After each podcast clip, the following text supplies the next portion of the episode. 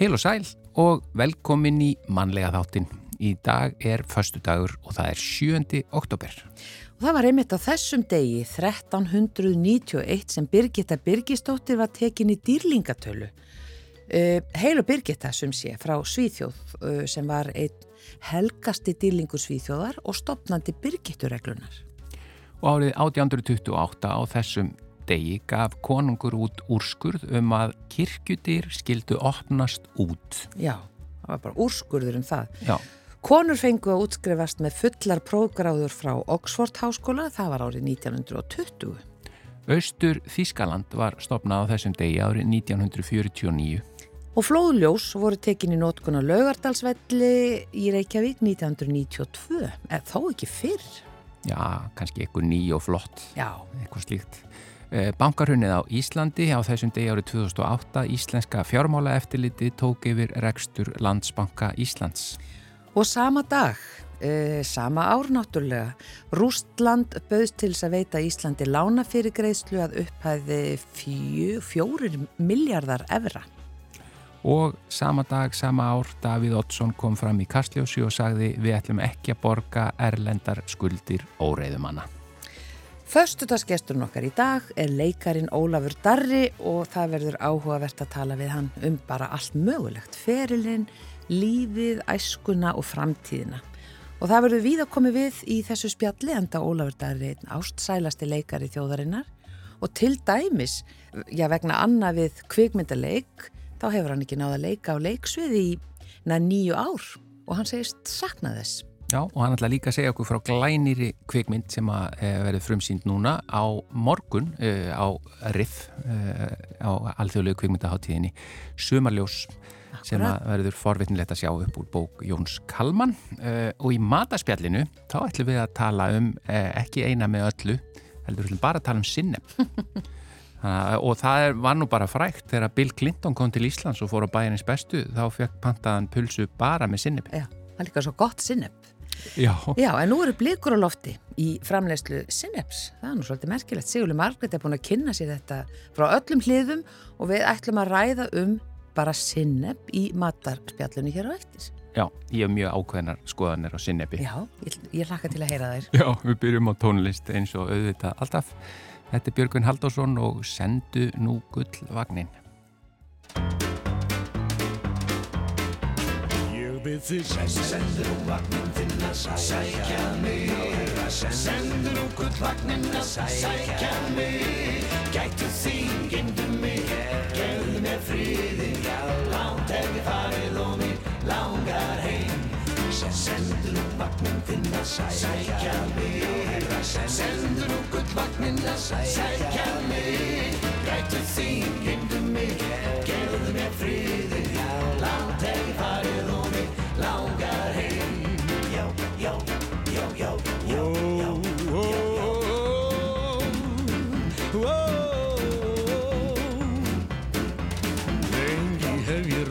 þennan refjál stíg Rökkva sem þrítan er að buga mig. Hvar fæ ég að handla mínu höfði nú? Herra, enginn getur bjargað nema þú. Ég byrð þig Sendu nú vagnin þinn að sækja mig. Sendu nú gullvagnin að sækja mig. Gætu þín, gemdu mig. Gefðu mér friði Langt hef ég farið og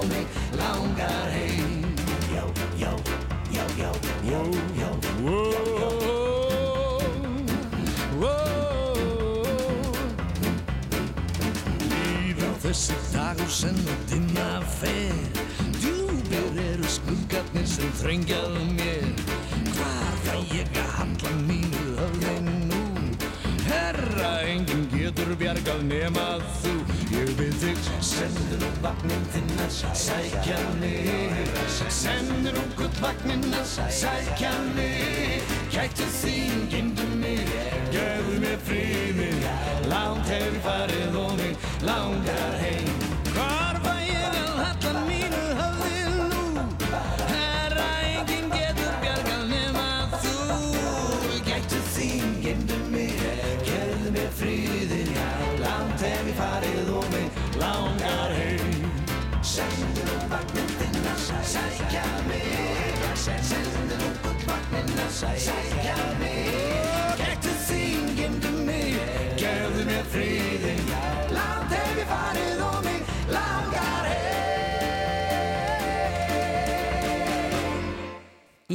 þetta var gullvagnin með Björgvinni Haldósinni og hann sjálfur uh, rattaði þarna, allar þessar rattir, alltaf. Já, fleiri, fleiri rattir og hingað er nú, þetta er góð tenging, Já. hingað er nú komin gull rött. Þetta er förstudagsgestur mannlega þáttarins í þetta sinn, Ólafur Darri Ólafsson, uh, kontur sæl og blessaður. Uh, blessu. Takk fyrir að fá mig. Velkomin. Velkomin. Ég, ber, ég kastaði reynda fram hérna, við vorum saman í kór í leiklistskólanum Já. og þá vorum við, hvorugur okkar vorum mjög vanir söngvarar Nei, nei. á þeim tímapunkti. Mhm. Það var svolítið erfitt, við vorum báðir í bassanum, hann er talsvöld meiri bass en ég, Darri, Já. og há, að því að hann var, við vorum ekki alveg tónvissir alltaf, Nei, Darri átti hann nefnilega til að fara áttun neðar enn bassin sem er náttúrulega bara svolítið afreg út af fyrir sig þannig ég þurfti að hlusta, að halda fyrir eirun og, og reyna að halda bassaröndin mannst þetta þessu? ég ger þetta yðurlega sko. Já. og ég í rauninni er ekkert að fatta munin.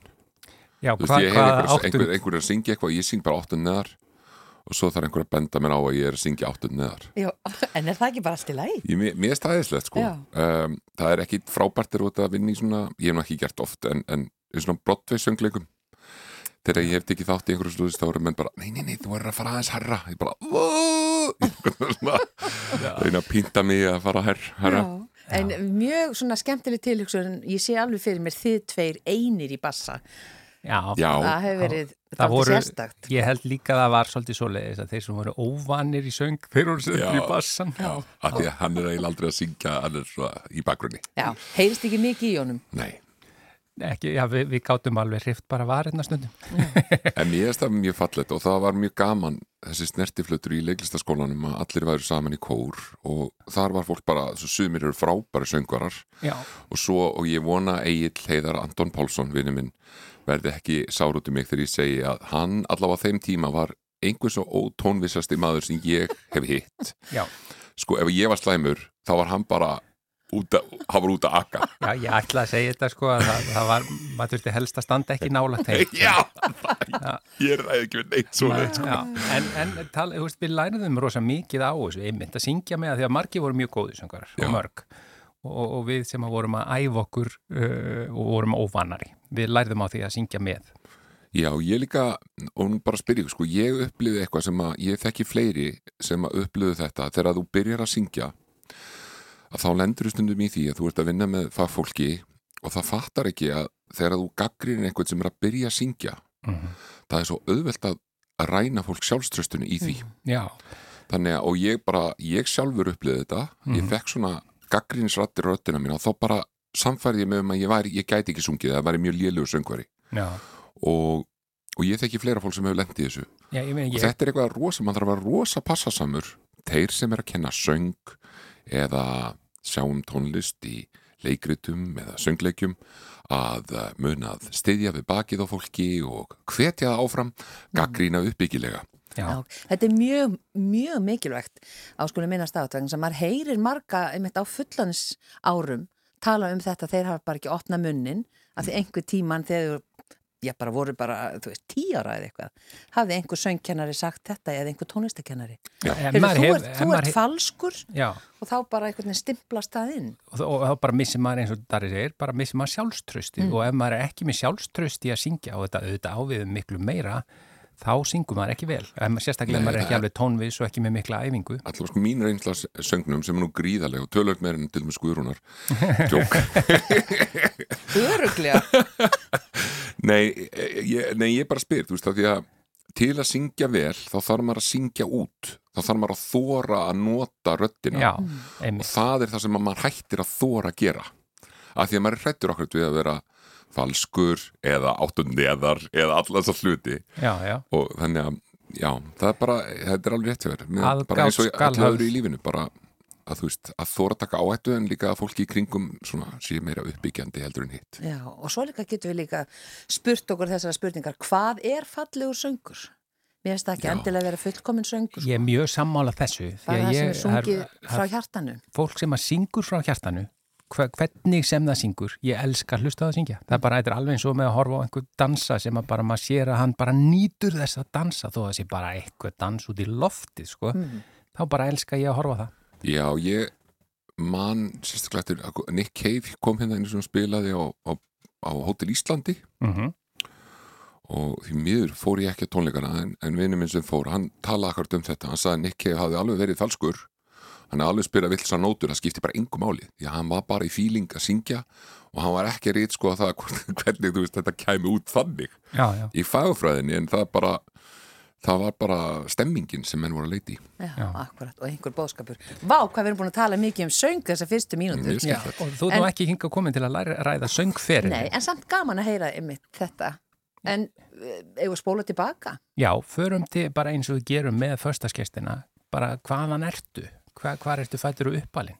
Já, um, ég er fættur í Ameríku Já, Í- einmitt. Connecticut í, á New England í Ameríku bjóð þar í fjögur ár og flutti svo heim til Íslands Og þú, og- þú ert með amerísk uh, vegabref. Já, ég er amerísku ríkisborgari og íslensku ríkisborgari og, og svo bara eiginlega ólst ég upp í breiðhaldi alla mína hunds tíð Já. uh, fer í öldurserskóla og er þar alla grunnskóla alla mína grunnskólatíð og flækist svo í MR lendi í vondum félagskap fyrir að leika með herranótt djók Já, það er leiklista félagskapur. og, og fer svo í leiklistaskóla og það sem ég nú hitti þig, elsku gunnin minn jú, jú, í kortum. og já that's all she wrote held ég Já, þakka þér innlega fyrir komuna. Þetta eh, ok, þetta var mjög hratt farið yfir æfina. Stöldrum aðeins við, bara hérna bandaríkin. Já. Fyrstu fjögur ára æfina, mannst eitthvað eftir?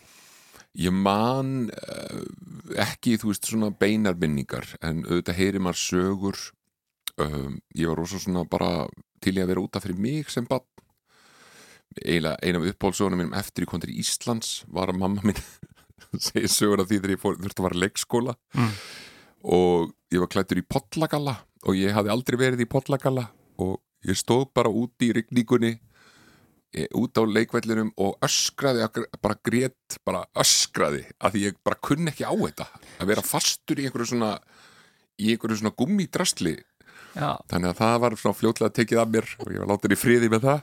Það var ekki pollagallar í Connecticut. Nei, ég, þú veist, ég, nei, ég man ekki nóg mikið, en ég fór, ég var að vinna í New England fyrir svona tremur ánum síðan og þá kom mamma og pappa heimsóttu mig og við kerðum til Connecticut og kerðum í fæðingabæði með New Britain og ég fekk að sjá spítalinn þar sem ég fættist og fórum og kíktum í götuna þar sem við áttum hús og það var En æðislegt. gaman Það var mjög romantist. Kom, kom upp einhver, einhverja minningar eða? Nei, bara svona kannski bara sögur frá mamma og pappa og, og það er eitthvað mér er alltaf, ég kann alltaf óbúslega vel við mig í New England, Já, það er svona eiginlega staðan sem ég líður best, já. mikið trjám og það eru mjög greinileg sko uh, uh, ástíðaskipti veist, þannig að það er mikið haust Já. og lauf og svona og svo kemur svolítið vetur og, og mjög heitt og gott á sumrin og svona en, en uh, Já, það eru mjög skýrar fjórar ástíðir. Já, en Já. ég kem að það þá bara, mér líður alltaf vel Mm. og er mikið tenging við sjóin akkurat og þannig að, já, ég, þetta er bara einhver svona, þetta er ekki beinar minningar, þetta er meira bara svona tilfinning Já, og, og einmitt, óbeinar minningar kannski. Já, ég meina, og svo náttúrulega eitthvað skemmtilegt sem maður heyrir frá mamma og pappa Já, en þessum aldrei fjögrar þá er maður nú byrjaður að tala. Já, Hvernig var síðan að koma heim eða varstu alveg tvítingdur? nei, það var ekki frábært, ég kem heim og tala bara ensku.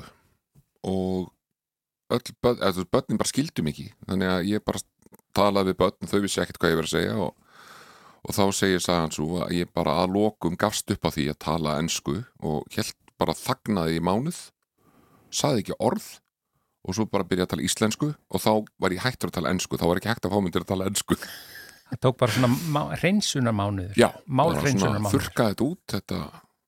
en ég bý vel að því því Já. að, þú veist, ég held að tungumál eru svolítið svona merkilegu hlutur þau sitja hann í kollinum eitthvað staðar og svo bara þegar maður þarf að að halda fyrir bara fyrir að dusta af reikið og, og þannig er ennsku kunnáta mín miklu betri en raunin en hún ætti að vera. Þú veist, ég er miklu, miklu djúbstæðri skilning á ennsku heldur en kannski hefði verið eðlilegt. Þú veist, þannig að þegar ég er Grunnur komin bara í þarna alveg frá fyrstu fjórum árunum. þegar ég er komin í, já, sjötta, sjöunda bekk í grunnskóla þá þarf ég í rauninni ekkert að vera með í tímum.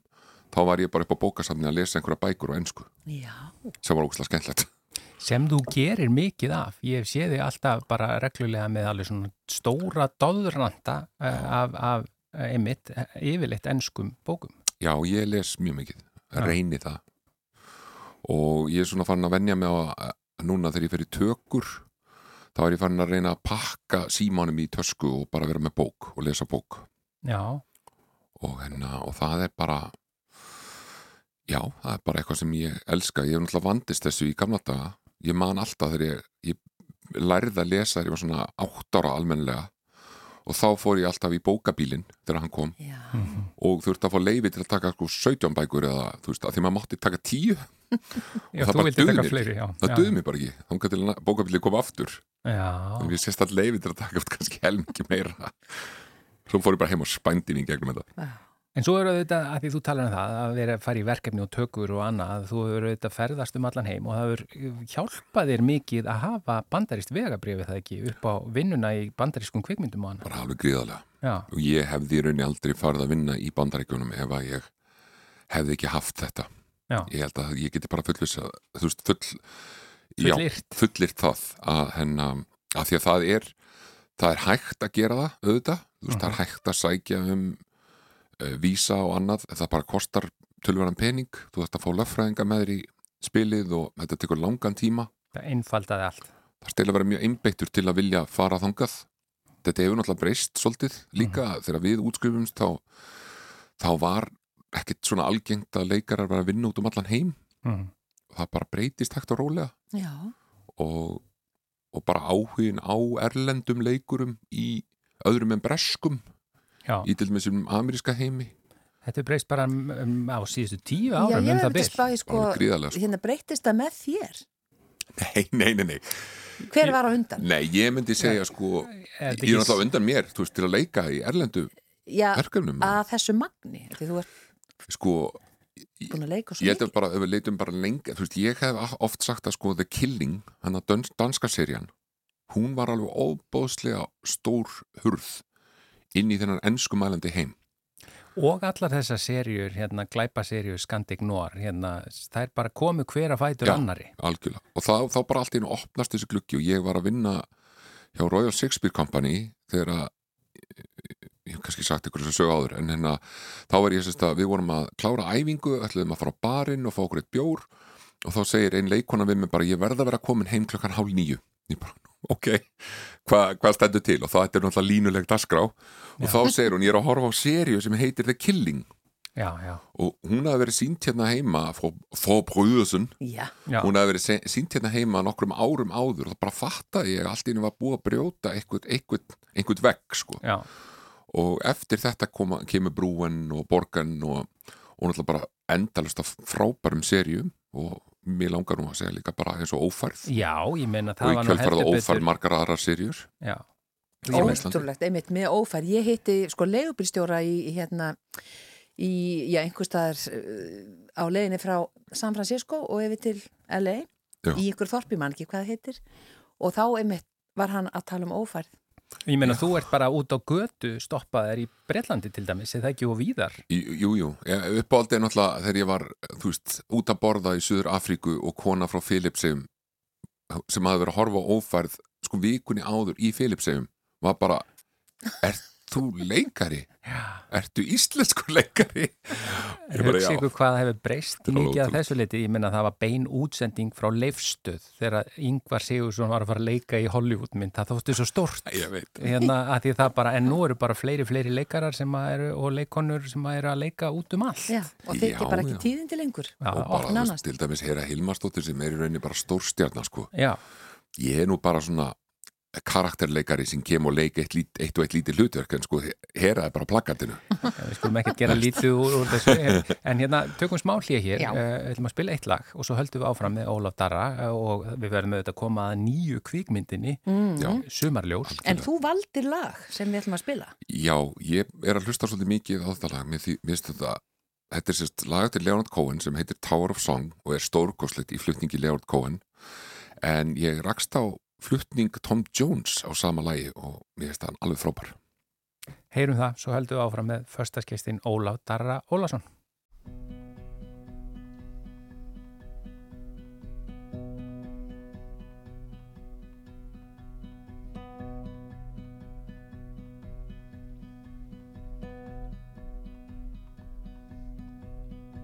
Well, my friends are gone and my hair is grey I ache in the places where I used to play, and I'm crazy for love, but I'm not coming home. I'm just paying my rent every day in the Tower of Song. I said to Hank Williams, How lonely does it get? Hank Williams hasn't answered me yet, but I hear him coughing all night long. A hundred floors above me in the Tower of Song. I was born like this, I had no choice. I was born with the gift of a golden voice and 27 angels from the great beyond. They tied me to the stage right here in the Tower of Song. So you can stick your little pins in that voodoo doll. I'm very sorry, baby, but that doesn't look like me at all. And I'm standing by the window where the light is strong. They don't let women kill you, not here in the Tower of Song.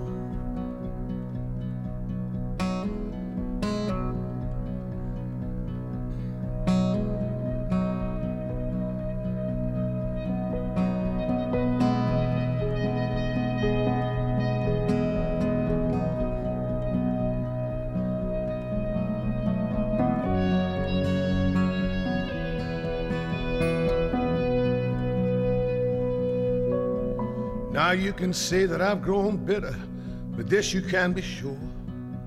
The rich have got their channels in the bedrooms of the poor, and there's a mighty judgment coming, baby. But I may be wrong. You see, you hear these funny voices in the Tower of Song. I see you standing on the other side. I don't know how the river got so wide, and I loved you, baby, way back when. And all the bridges are burning that we might have crossed, but I feel so close to everything we lost, and we'll never, we'll never have to lose it again. Now I bid you farewell. I don't know when I'll be back. They're moving us tomorrow to the tower down the track, and you'll be hearing from me, baby, long after I'm gone. I'll be speaking to you sweetly from a window in the Tower of Song.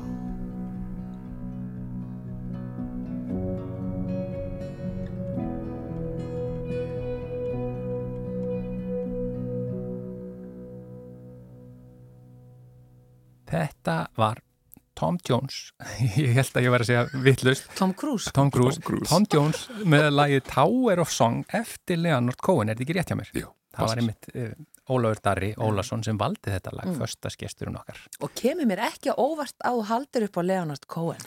Nei, hann er náttúrulega bara stórkostlegur Leonard Cohen. Ég, ég, ég þjáist svolítið fyrir það að mín tenging við tónlist er svo opaslega mikið í gegnum e, e, sko orðin textan, sögurnar Já, það er kannski líka bara því að verandi leikari þú veist að ég fæ svo mikið út úr ljóðunum og, og Leonard Cohen er svona rosa gott dæmi um einhvern sem að var alltaf að bara rauninni skrifa ljóð og semja þú veist, Famous Blue Raincoat er náttúrulega bara eitthvað fallegasta lag sem að hefur samið og er í rauninni bara bref sem hann semur svo tónlist við sko. já, já. þannig að, að það er, já, ég, ég bara, mér þykir mjög vænt um Leonard Cohen og Nick Cave og Tom Waits og alla þessa mistara Bob Dylan. Sko við bara rétt skautum að því að við, við getum talað um svo margt, við erum að, að, að öll þessi verkefni sem við verðum að gera erlendi sem eru náttúrulega bara afskaplega mörg og stór og, og ég meina, ertu að leika einhvað í leikhúsi núna? Nei, ég hef, hef því miður ekki leiki í leikus á Íslandi bara í 7 ár held ég, 7-8 ár. Já, í rauninu í þessi 7-8 ár þá ertu bara búin að vera að vinna meir og minni erlendu verkefnum. Já, ég ætlaði að leika í Ólíönu með Völu Kristjún í borgarleikusinu. Einmitt.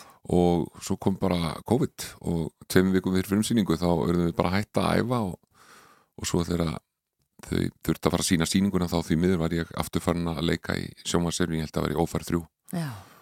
En já, ég er bara búin að leika í sjómarbi og kvikmyndum. Þannig við komum að því þann að þú ert með bandarist vegabref en það er nú ekki nóg þó að það hjálpi mikið til. Það hefur greinilega gengið vel. Eh, þetta hvenan ferði að finna fyrir því eh, að þú svona hefur heyrðu byttu, kannski bara get ég stunda mitt starf meir og minna í þessum stóru verkefnum erlendis?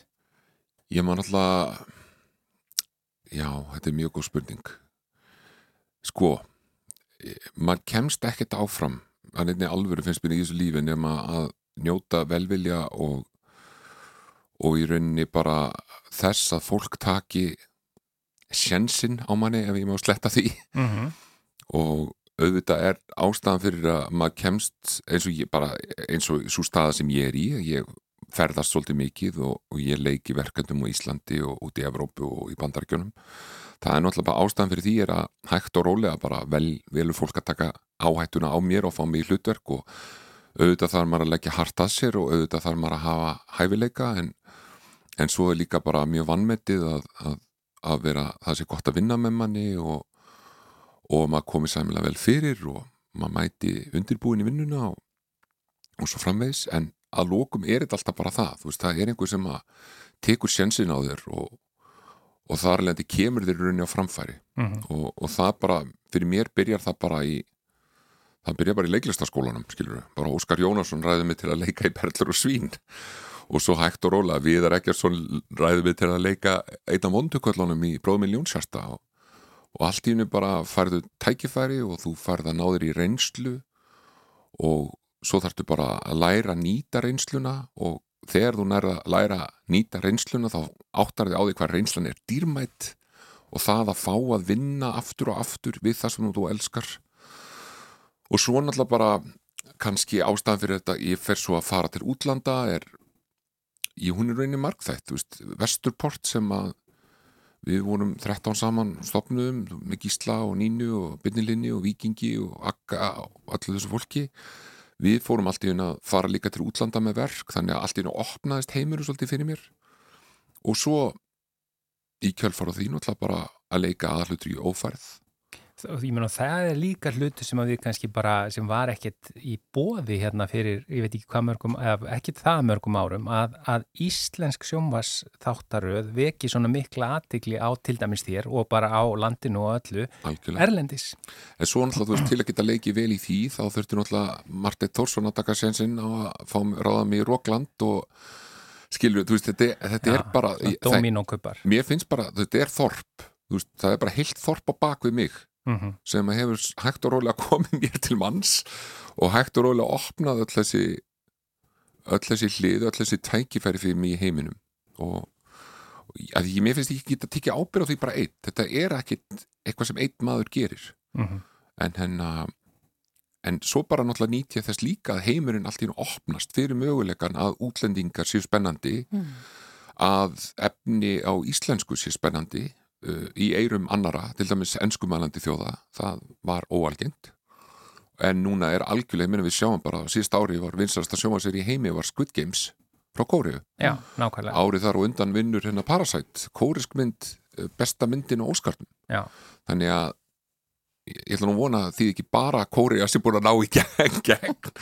Nei, nei, en, en, en það er bara þannig. Og svo náttúrulega þú veist að fá að vinna með Ben Stiller og, og öðrum snillingum setna meir, þá bara hægt og rólega fer þetta líka bara að vera auðveldara þá fer fólk og kíkir hann á EMDB sem er vefsíðan sem sýnir í hverju þú hefur leikið og allt í hennu sér fólk að þú hefur búin að leika með já, eins og ég fengi að vinna með Spielberg og, og, og, og hérna Ben Stiller og Kari Fuanawa og, og svo framvegs og svo framvegs og og er, ég meina, hvernig finnst þér núna í dag að bara skoða sjálfur yfir eh, verkefnalistan sem þú hefur verið í? Þetta er aldrei ótrúlega. mér finnst það bara absúrt Já, mér finnst það bara sjálfum, þú veist, ég er ennþá bara darri úr bregðoltinu sko ég er ekkit mjög merkilegur og, og ég þarf að vakna með sjálfum mér á hverju mótni og, og það er ekkert eitthvað frábært sko þá meina ég bara ég er andfúll en nei, en, en, en að, mér finnst það absúrt uh, að því að ef ég hefði fyrir 25 ára síðan þegar ég var útskrifast átt að segja þér að þetta myndi gerast ég, myndi, ég hef bara að fara að hlæja mm.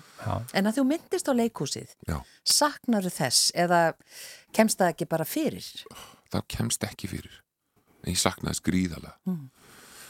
ég saknaði þess alveg óskaplega mikið að erum alveg hreinskilin því að leikúsið er einstakku vinnustafur og, og það er líka bara minnst það svolítið leiðilegt að því að það er svo gott fyrir leikara að vinna í leikúsi því að þú ert það er svo mikið það er, svo, það er allt öðruvísi vinna en að vinna í bíómyndum það er rauninni finnst mér miklu heiðalegri vinna.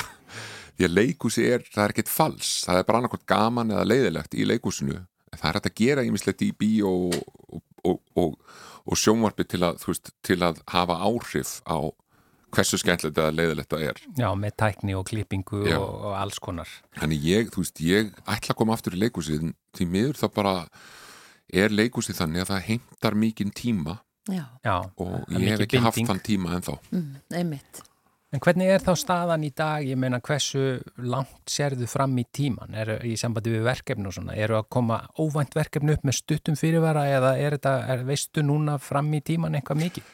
Nei, sko, ég, ég veit að fólk trúir þess ekki en, en, en verkefni sem ég veit fram í tíman eru alltaf íslensku verkefnin. Já. Því að það er í rauninni eitthvað sem menn eru búin að vinnað og skipulegja mjög langt fram í tíman og það er kannski líka því að þá fá menn styrki og menn vita svolítið uh, fólk veit fram í tíman hvenar það getur farið í gang og svo framvis mm. en út í húnum stóra heimi ég, meina, ég held ég sé að fara að leika í bíómynd eftir mánuð í öðru landi en ég er ekki búin að fá að staðfesta.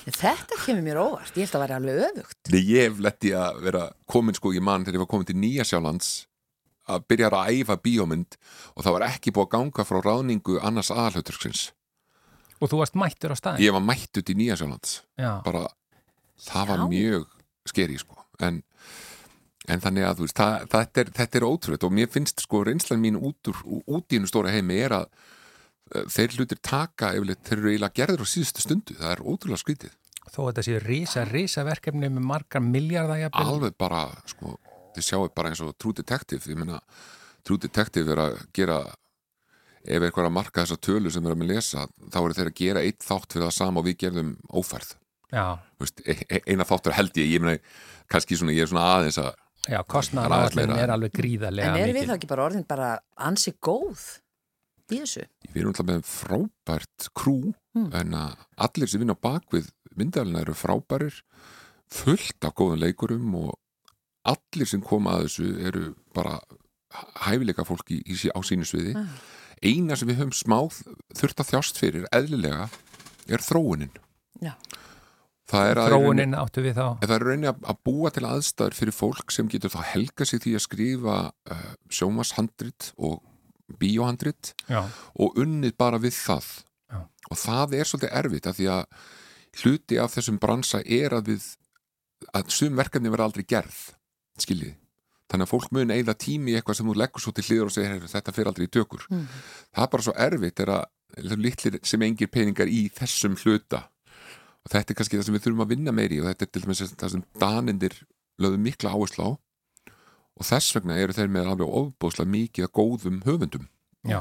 Þeir styrtu þarna handrits Já, bara, höfunda lögðu bara áherslu á það að efni þurft að vera gott En, en taland um gott efni, já. nú er það kvikmyndin Sumaljós Ég ætluðu er... bara ekkert að fara að ræða þetta. Já, nokkala, við, við verðum að koma þessu nú að hérna.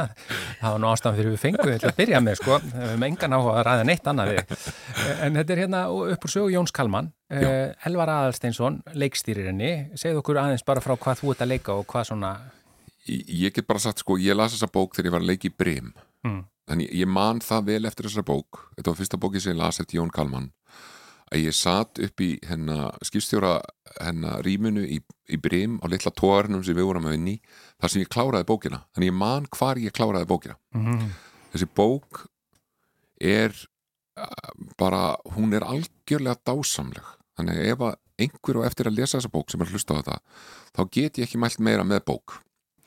Þannig að það var rosa góður svona uh, gott spark í rassin þegar ég og Elvar vorum að tala saman fyrst og og til greina komað að reyna að kaupa réttin á þessari bók þá er það náttúrulega rosa gott að hafa góðan efni við sem að Elvar breytir svo í frábært, frábært handrit og næri einhvern veginn finnst að kjarna þennan, þessa tilfinningu úr bókinni Þannig að þú varst með í kvikmyndaverkefninu í rauninni alveg frá byrjun. Ég er framlegandi, já, Já, já. Veist, ég og, og, og Elvar í rauninni þetta upphæflega hugmyndin er hjá okkur þó að Elvar hafi, ég skal taka það fram unnið náttúrulega í rauninni alla alvöru handritsvinnuna sko. Já. Og, og segð okkur bara hvað leikur þú og, og hvernig kvikmynd er þetta? Ég leik kjartan uh, sem er bóndi sem býr í sveitinni þar sem þessi mynd gerist uh, myndin eins og bókin er í rauninni bara um samfélag út á landi uh, uh, þetta er í rauninni þú heyrir rödd sem að hún uh, Vigdís, okkar, einn af okkar bestu höfundum les í myndinni. Hmm. uh, þar sem hún er rauninni rödd þorpsins og þorpið er að segja okkur sögur af fólki sem býr í þorpinu hefur búið í þorpinu og hvað hefur gerst. Og þetta er rosalega stór hópur af leikurum.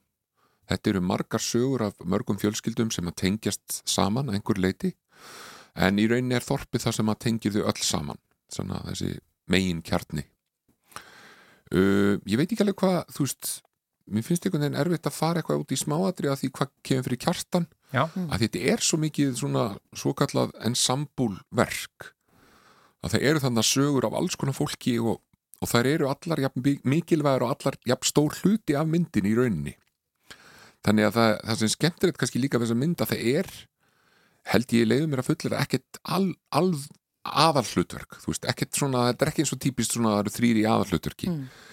við erum hann bara ansi mörg sem að Sög, að láta sögur margra uh, samankomnar í eina mynd. það má alveg segja það, Já. bara í anda bókarinnar Og hvenar mynd, myndin er frumsýnd?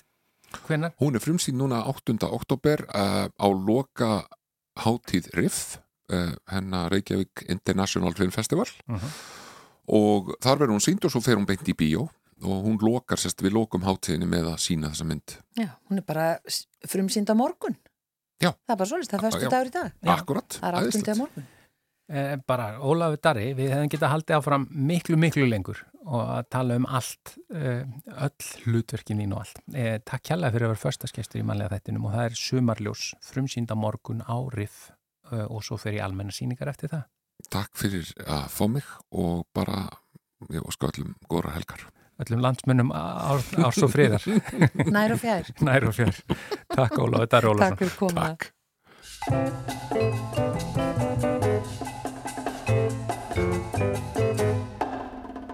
Mamma, ertu vakandi mamma mín? Mamma, ég vil koma til þín.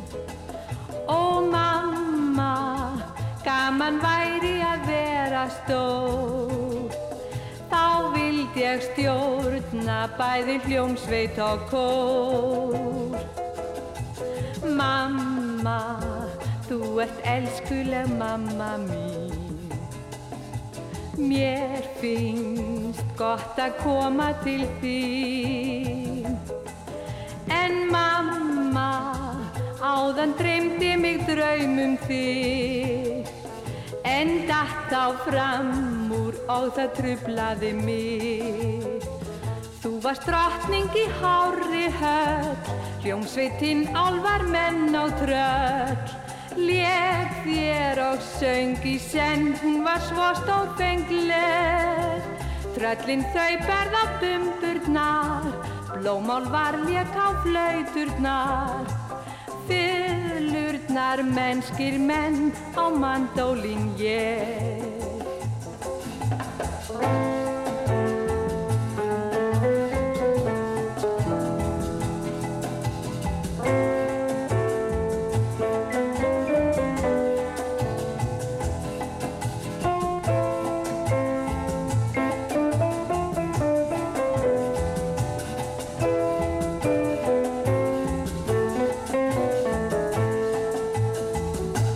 Allir mændum við upp til þín eins og blóm þegar sólin skín. Er þínum faðmi frá gjafir flugum allt. Flestum gekk vel að grípa sitt, gladur náði ég fljótt í mitt. En stóll er steg ég á, stóð tækt svo hann vald. Mamma, þú ert elskuleg mamma mín. Mér finnst gott að koma til þín. En mamma, gaman væri að vera stór. Þá vildi ég stjórna bæði hljómsveit og kór.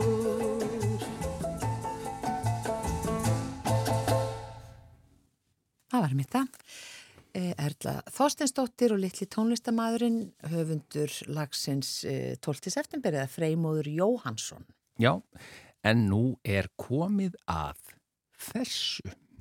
Já,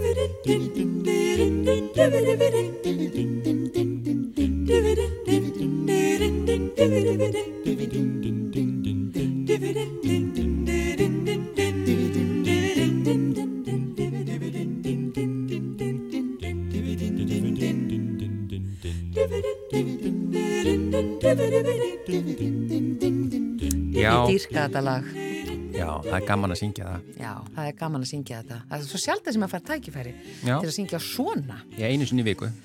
Já, akkurat, en hingað er nú komin eh, Sigurlaug Margrét Jónasdóttir, það er komið að matarspjallinu og eitthvað er hún að setja hér á borð með látum. Hvað ertu með? Uh, ég er nefnilega með sinneb Já, uh, vegna þess að, að það var uh, uppskýrubrestur þannig að í París uh, er það þannig að þú ferð al, bara alveg saman hvað veitingastæðir það eru það getur verið alveg skýta veitingastæðir það getur verið bara frábærir og flottastir og svo skýta veitingastæðirnir, mm. æskiljið sem er stendur það fyrir utan. Já, já. Skítaveitingar. Skítastæður. Já, já, já, já. Já, Að, að þá er alltaf á borðum lítill staukur með dísjón sinnibi, bara það er bara fastuleður já, En núna er það þannig að þegar þú ert í París og sittur og, og ert að fá þig brauðið og til stundu fá sér, þú veist, sitja sinneb á brauðið af því það er bara svo ríkalega gott mhm, að þá þarf þetta að byggja um sinnebi, þá er það ekki lengur á borðum út af þessum uppskjörubresti sem varð. Og þá segja þeir hérna, ef maður segir hérna, ég ætla að fá, getur fengið sinneb þá segja þeir þú byggður ekki guðum lítið. Já. Já. Það var bara þetta viðmót sem þú fegst alls Já, þetta er bara það, þetta, er, þetta segja þær því þetta, þeir taka þessu af mikill alvöru þetta Mhm. ef það er uppskýrubrestur að því að Dísjón Sinneb er bara svo mikill partur af franskri matar menningu og hef, hef það bara Hva, hvar væru við með uppáhald sósun okkar, salatsósuna eða væri ekki Sinneb Segðu. Já. það er ekki tækt En hvað er þetta þá fræin? já, Hvað já, þetta er eitthvað, bara það var bara, Sinnepsfræin. það var, Uppskerubrestur. það var bara rúglega skýta veður eða eitthvað, ég veit Já, það ekki ég var, hérna, sko, að- þetta er nefnilega uppskerubrestur ekki bara í e, Fraklandi, heldur meiris í Kanada. Já, einmitt, sem í Kanada. þau eru rættur líka, já, þessi, þessi fræ, sinnepsfræ. já, En hvað allir valdi þessu? Er, er það veður eða það er veðrið bara eitthvað? það er rúglega veðrið Já, þetta er mjög Já. áhugavert. En þannig að við þurfum að fara sparlega með sinni. Já, já, en svo verður aftur, það ver- verður aftur rækt, ræktað að sjálfsögðu, þetta er ekki bara, þetta er ekki, Forever. þetta er ekki forever. Þetta er ekki fór, þetta, er, þetta verður fyrirsögnin á matarspöldinu. Já, Já. alls sko- ekki forever. Sam, samkvæmt hérna uh, Wikipedia og það sem ég fletta hans upp, þá er einmitt, já, talað um út af uh, hittabilgjum. Já, Já, þá er ekki, þetta var náttúrulega ekkert, sko, ef við hugsun bara um veðrið í sumar, þetta var náttúrulega ekkert grín, þetta var bara hræðilegt. Já.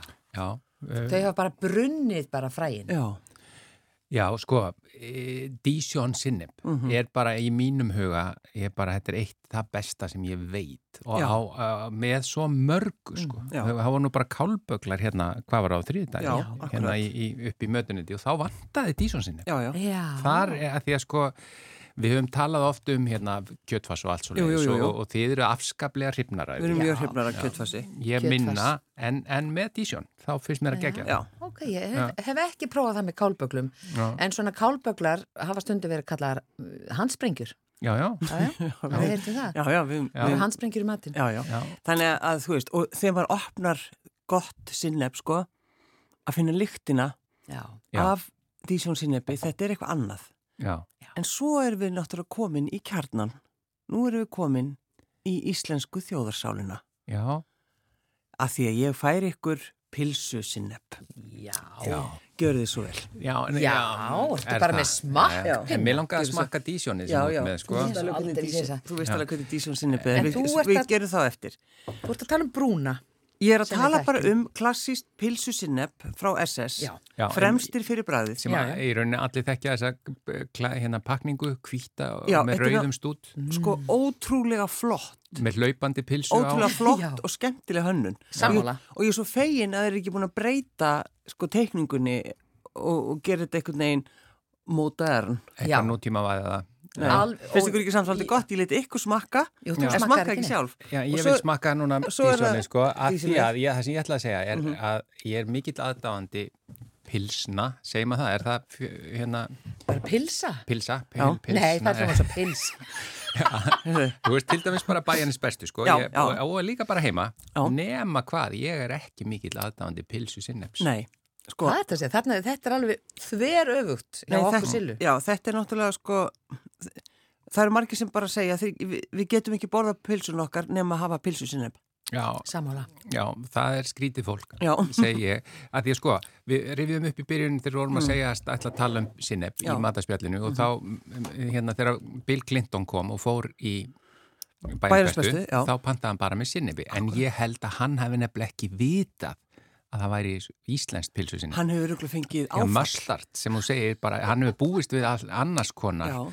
Að því, sko, til að byrja með, mér bara finnst Dísjón besta sinnibið Já, já, og, og sjálfsögðu. ég meina það er til margar útgáfur að þið líka, þú veist, með kornónum Já, og allt, það er eins og, Það er ekkit hægt að, við getum ekkit heldur verið að sko í rauninni að, að þetta er ekkit á sömu, þetta er Það ekki ekkert sama fjölskyldan. Þetta er ekki sama jú, fjölskyldan. þetta er nefnilega sama fjölskylda. Já, á, þetta er sama fjölskyldan. Þetta eru sinneps duftið í pilsu sinnepi. já, já. En, en ég, held að, ég held að þó að Bill Clinton hafi ekki sagt neinum frá því, Nei, það held ég hann á orðið fyrir smá Auðvitað með, með sinnebið. Við, en sko, það er nefnilega, hann verður auðvitað hugsað, ó, ég fæ mér hérna, ég fæ auðvitað svona stert sinneb Mhm. sem að það fer upp í nefið á manni og mann herrar. Já, og ég hressist allur Og við. hresta- hressist allir við. Það eru eiginlega sko áhrifin sem ég vil fá af sko sinnebi. Já. Það er að fá alveg svona stert upp í nefið sko. eins og, og í Þýskalandi, þegar þú færið pulsu Mm uh, Já, úti, með já, svona bratvúrst. já, þá fær maður pulsu og pulsubröð Já, og þá fær maður sætt sinneb Já. og stert sinneb. Já, já, ég læt sæta vera. ég líka. Nei, það verður að vera, bara bland, gott. þá er það svona næstu eins og tómatsósu. Sko. Þeir eru ekki með tómatsósu. Og er ekki sæta sinnebi svolítið mikið í Dammörku hérna? Jú, í- í- í sko. Pulsónum þar? Ég tek svona sinneb með mér ef ég fætti í Danmörkur og þarf að borða svolítið að pilsum þar. Þarf, sko. Já. Ég spara. tekur þú með þér Þá bara pilsusinneb? tekið svona bara pilsu sinneb með. Bara með í vasan, Það er svona ekki hægt að borða pilsu nema að hafa þetta. SS pilsu sinneb með. Já, Það er bara, það er bara þannig. Ertu Þá að segja mér það að þú pakkir niður pilsusinneb frá SS þú ert að fara til ég Kaupmannhafna? er náttúrulega ekki farið til Kaupmannhafnar í, í nokkur ár, þannig að ég hef ekki þurft að gera Bara með Bara með í veskinu. Bara. Þú geti verið með svona eins og byssubelti Já, já, með já. ein, eina svona... Getur svona sérsniði vasa á jakkan hjá mér. Já. Já. Það er þetta að fá þetta nefnilega lítið líka, ekki já. í svona risastóru. Ég ákvað bara spandera, ég ætla bara að kaupa stóra. spendir á okkur. Og En, sko, inn í... tókst ekki nótu. Jú, ég, tók, ég nótu. Veistu hvað þetta er dýrt? Innihald í pilsusinnebinu sem SS framleiðir, nótabenni, það er vatn, það er kveiti, það er kartöblumjöl, það er sigur, það er krydd eh, og það er, sko, sinnebstuftið er inn í svega fyrir aftan kryddið. Mm. Já. Salt, etik og litarefnið er 150. Já, þetta er geggjað sko. Hvað er uppáhalds e-efnið ykkar? Það er E, F, það er ekki 40. 150? Það er 100, og- já, 150. Já. Já, En svo er þetta búa til sinneb og nákvæmlega. það er vist alveg svakalega auðvelt. Heimagert dísjón. Heimagert til dæmis dísjón sinneb og Já. þá bara ertu með smá kvítvín, kvítins edik og vatn og saksa laug og tvo kvítlaugsgeira. Mm. Svo er þetta bara sinnebsfræ, svona eitt bolli og smá sinnebsduft og kvítlugstuft og salt. Og þetta er vist ægilega gott. Og þú sem sagt blandar eða, uppskriftin er hér á mbl.is þú bara hérna googlar bara heimagert dísjón sinneb en þú lætur þetta standa í stofuhitta í 24 til 28 klukkustundir. Síðan setur þetta bara í blandara maukar og inn í ískáp þetta er ekki flókið Nei. ef þú nennir þessu Nei, nenni þessu. hver þetta er svo- nennir hversu, þessu? Jú, hversu smart er það? Er að, þú veist, því við getum farið og keipt góðar pilsur mm. og haft mm grillaðar pilsur um helgina og búið til okkar eigi sinni. Já, Já, og þetta sinneb, eða semst sinneb, það var skýrt í höfuði á náttúrulega bænum Dijon í Burgundi héraði, eins og þú veist náttúrulega sigurlega. Jú, jú. Og það var fyrst notað 1336 og sló í gegn árið 1856. Mm. Já, já, þetta er sko líka, þess vegna er kannski svolítið gróft að ætla að segjast vera að búa til Dísjón sinneb. Þetta er eins og segjast að búa, Búa til til, kampavín. Eða rauðvín, já, Já, það, til, er, já, ka- þú veist akkurat. að þetta kemur frá héraði Já, og, já. er, hérna, og þau, ég menna það er mjög hart bara hvað má kalla Dísjón sinneb og hvað ekki og, og uh, vinnu minn sem fór til Dísjón héraðsins, hann kifti, ég man ekki hvaða voru sko, hátt í tíu típur af Dísjón sinnebi. Sem var bara, og við vorum bara heila kvöldstund að smakka Mm. allt saman og þetta var bara mjög skemmtilegt uh, en, en bara ég bendi á það því ég veit að þú ert svona reyntrúa manneskja með kampavíni Já, já, já, akkurat. champagne Champagne. já. það maður, maður bara setur ekki í sótastrýmvel og býr til kampavín Nei, nei. nei, nei. En ég held þetta, við skulum, hérna, við skulum ekki, samt, við svíkjum að sjálfsögðu ekki SS sinnebi eins og þú, Guðrún, bara Gerir lifandi alls dæmi um það sem að pakkar því niður í tösku þegar þú fara til útlanda. já það, það er ekki hægt að bóra pilsu þess að hafa þetta sinneb. Nei, það er í rauninni niðurstaðan en hún er röng. En hún er er, já, ég er saman ég er, og, og þetta er bara galið að gera þetta sérstaklega í ferð til kaupanafna Nei, nei, nei, nei. þá myndi ég frekar hafa dísjón með mér. Snopp, Já, en það er líka hægt að fá svona minni krukkur eins og sem er þægileg í vasa. Já, já, akkurat. En Dísjón sinnebi það er mjög gott. Já, Já, Það og á hægt að pulsuna, neyta það, því. bara þannig ég klára þetta, á pulsuna finnst mér best að hafa nefnilega dísjón sinnebi með uh, kottnunum í já, sko. já, Það finnst mér stórkost. já, þá býtur það svona, já, býtur það svona í, það kemur svona eitthvað. aðeins upp í nef. Já, mér listu lát, er þetta ekki fyrir, kvöld, fyrir helgina, Jú, kæru hlustendur? sinneb með öllu og við bara hunsum þennan uppskerubrest. Við gerum það. Klárum bara það, ég veit að það er til, ég, ég sko, það greip mig smá panik því ég fekk frétt af þessu að, og ég fór og kefti Keftir nokkrar til nokkar þau. kukkur, já. Já, en ég menna ætla að sé hægt að kaupa út í búð þá núna Jú, jú, sinnefs það er, kott. já, já. Er ekki, En frátt nota fyrir uppskjöldbrest. sko, maður notar þetta Dísjón sinneb í allar sósur og bara í mjög, já, og bara alls konar mat sem það gerir. Ó, og kjúkling setja sinneb út í rjómasósu, vitið það, það er æðislegt, já, Já, saman. eh, en Það Sig- nota maður ekki pulsu sinnebið. Nei, Nei, Sigurli Margrét, það er först dagur þú uh, færð þann heiður að kveðja hlustendur okkar. Gjör þið svo vel. kæru hlustendur, góða stundir.